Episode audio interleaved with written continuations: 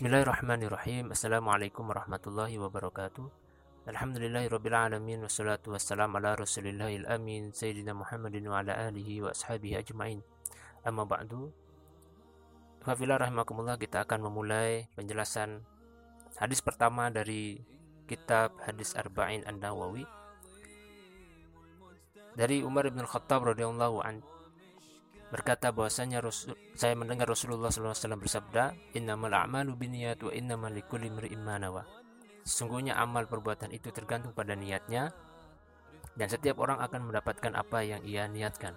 Faman kanat hijratuhu ila Allah wa rasulihi fa hijratuhu ila Allah wa rasulihi. Siapa yang hijrahnya karena Allah dan Rasulnya maka hijrahnya akan diterima sebagai hijrah karena Allah dan Rasulnya. Faman kanat hijratuhu lidunya yusibuha aw imra'atin yankihuha fahijratuhu ila ma hajara ilaih. Dan siapa yang berhijrah karena dunia yang ia inginkan atau wanita yang ia ingin nikahi, maka ia akan mendapati apa yang ia tuju. Hadis ini diriwayatkan oleh Bukhari dan Muslim. Kafillah rahimakumullah.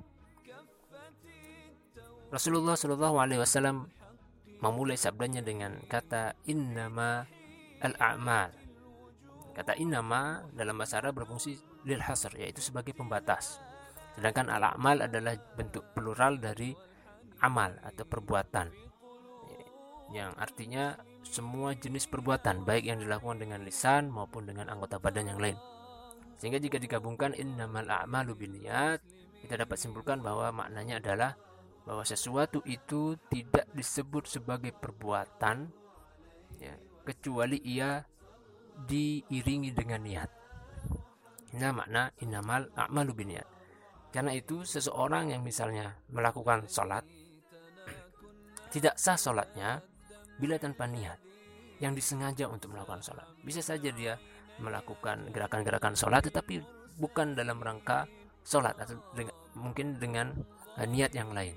Atau bisa jadi orang yang berpuasa menahan laparnya, dia tidak makan, dia tidak minum, tetapi niatnya bukan puasa. Tetapi dia niatkan semua itu adalah untuk diet misalnya. Nah, makanya perbuatan itu tidak bisa dikategorikan dalam kategori ibadah puasa. Tapi ia dikategorikan dalam uh, perbuatan biasa saja yaitu dietnya seseorang. Nah uh, ikhwafillah sekalian yang dirahmati Allah hadis ini mengandung sesuatu yang sangat penting. Uh, kata Imam Ahmad dan Imam Syafi'i rahimahumullah mengatakan yadkhulu fi hadisil a'mal binniyat sulusul ulum.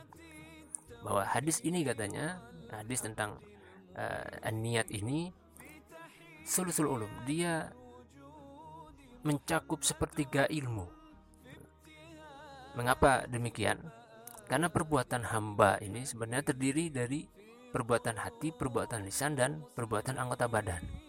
Dan niat ini dan hadis ini terkait dengan niat adalah salah satu dari uh, perbuatan hamba yang termasuk dalam perbuatan amalan hati.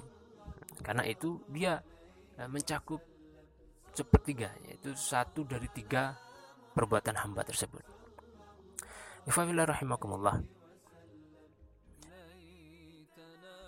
Hadis ini menekankan akan pentingnya niat yang ikhlas. Karena ikhlas itu adalah salah satu syarat diterimanya amal soleh.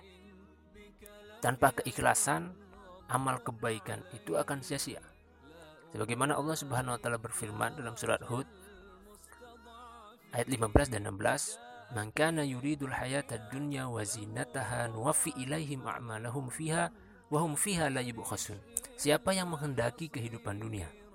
Jadi dia meniatkan kehidupan dunia ini hanya untuk uh, kehidupan dunia semata dan perhiasannya wazinataha pasti kami berikan balasan pekerjaan mereka itu dengan sempurna. Wafi ilaihim a'malahum fiha. Wahum fiha la yubkhasun. Dan mereka di dunia ini tidak akan dirugikan. Jadi apa pun perbuatan yang ia lakukan di dunia jika ia niatkan itu untuk mencari dunia mengumpulkan harta mengumpulkan perhiasan yang ada maka Allah Subhanahu wa taala tidak akan merugikannya. Artinya terkadang diberikan saja oleh Allah Subhanahu wa taala. Tetapi di ayat selanjutnya Allah mengatakan ulaika alladziina laisa lahum fil akhirati illa an-nar wa habita ma sana'u fiha wa batilu ma kanu ya'malun ya itulah orang-orang yang tidak memperoleh di akhirat kecuali neraka saja dan lenyaplah ya, apa yang mereka usahakan di dunia ini ya ketika di akhirat nanti dan sia-sia juga apa yang telah mereka lakukan. Nah ini eh, peringatan dari Allah Subhanahu wa taala yang ketika mereka hanya meniatkan semua perbuatannya itu untuk sebatas kepentingannya di dunia saja. Karena itulah pentingnya niat, pentingnya keikhlasan itu di dalam setiap perbuatan kita. Sebagaimana yang sering kita ucapkan di dalam salat kita, Inna salati wa nusuki wa mahyaya wa mamati lillahi rabbil alamin. Nah, inilah sebenarnya uh, makna keikhlasan itu. Ikhlas bukan hanya sekedar rela, tetapi dia mengarahkan hati kita, tujuan kita, maksud dari perbuatan kita itu adalah untuk lillahi ta'ala. Sesungguhnya sholatku, ibadahku, hidupku, dan matiku. Jadi semua apa yang tercakup di dalam kehidupan eh, dan kematian itu harus lillahi ta'ala. Ya hanya untuk Allah Subhanahu wa taala. Maka makan kita, kerja kita, belajar kita ya, kita usahakan untuk lillahi taala. Hmm.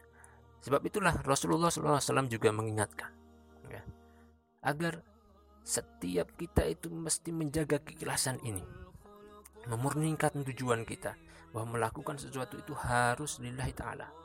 Ya.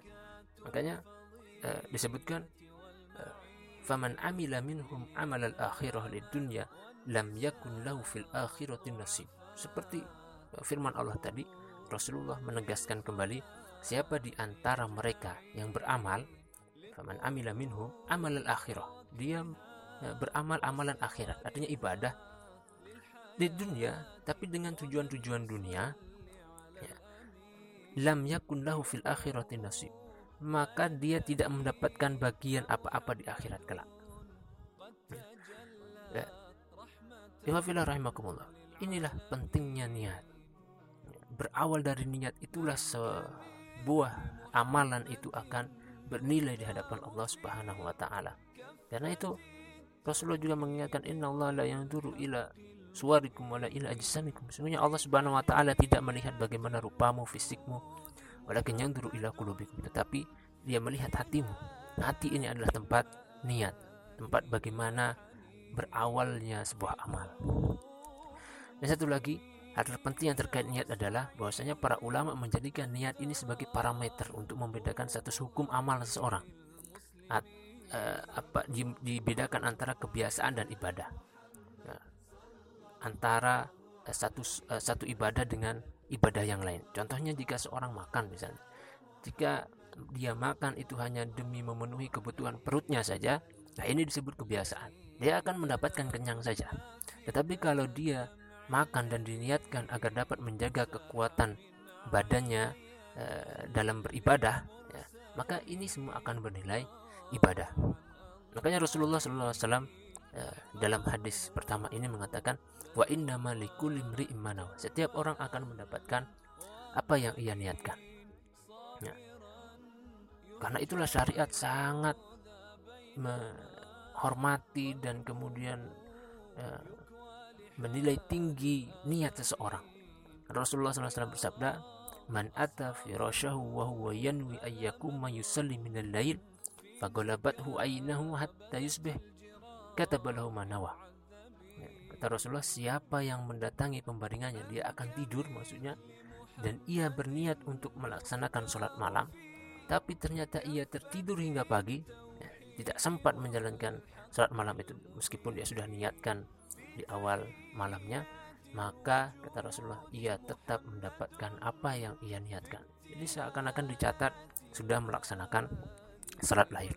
Inilah pentingnya niat niat yang tulus, niat yang ikhlas kepada Allah Subhanahu wa taala tidak akan pernah rugi.